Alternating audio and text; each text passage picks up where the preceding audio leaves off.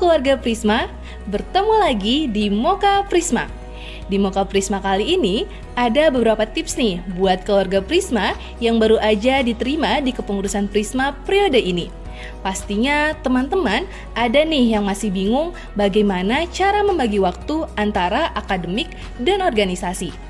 Pas banget loh, di Moka kali ini akan memberikan tips tentang bagaimana cara membagi waktu antara organisasi dan akademik. Langsung aja yuk disimak beberapa tips berikut ini ya. Yang pertama yaitu membuat catatan atau menjadwal hal-hal apa saja yang harus dikerjakan.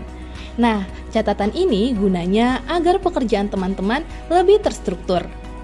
Tips yang kedua yaitu manajemen waktu yang baik.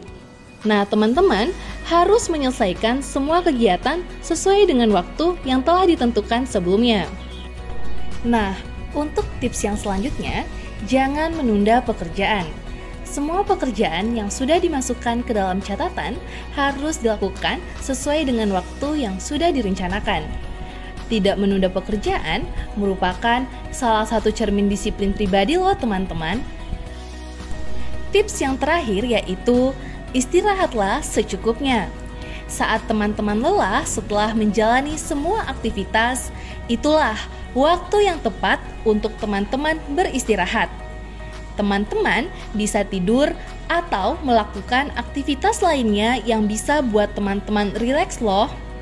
Sampai di sini dulu ya, Moka Prisma kali ini.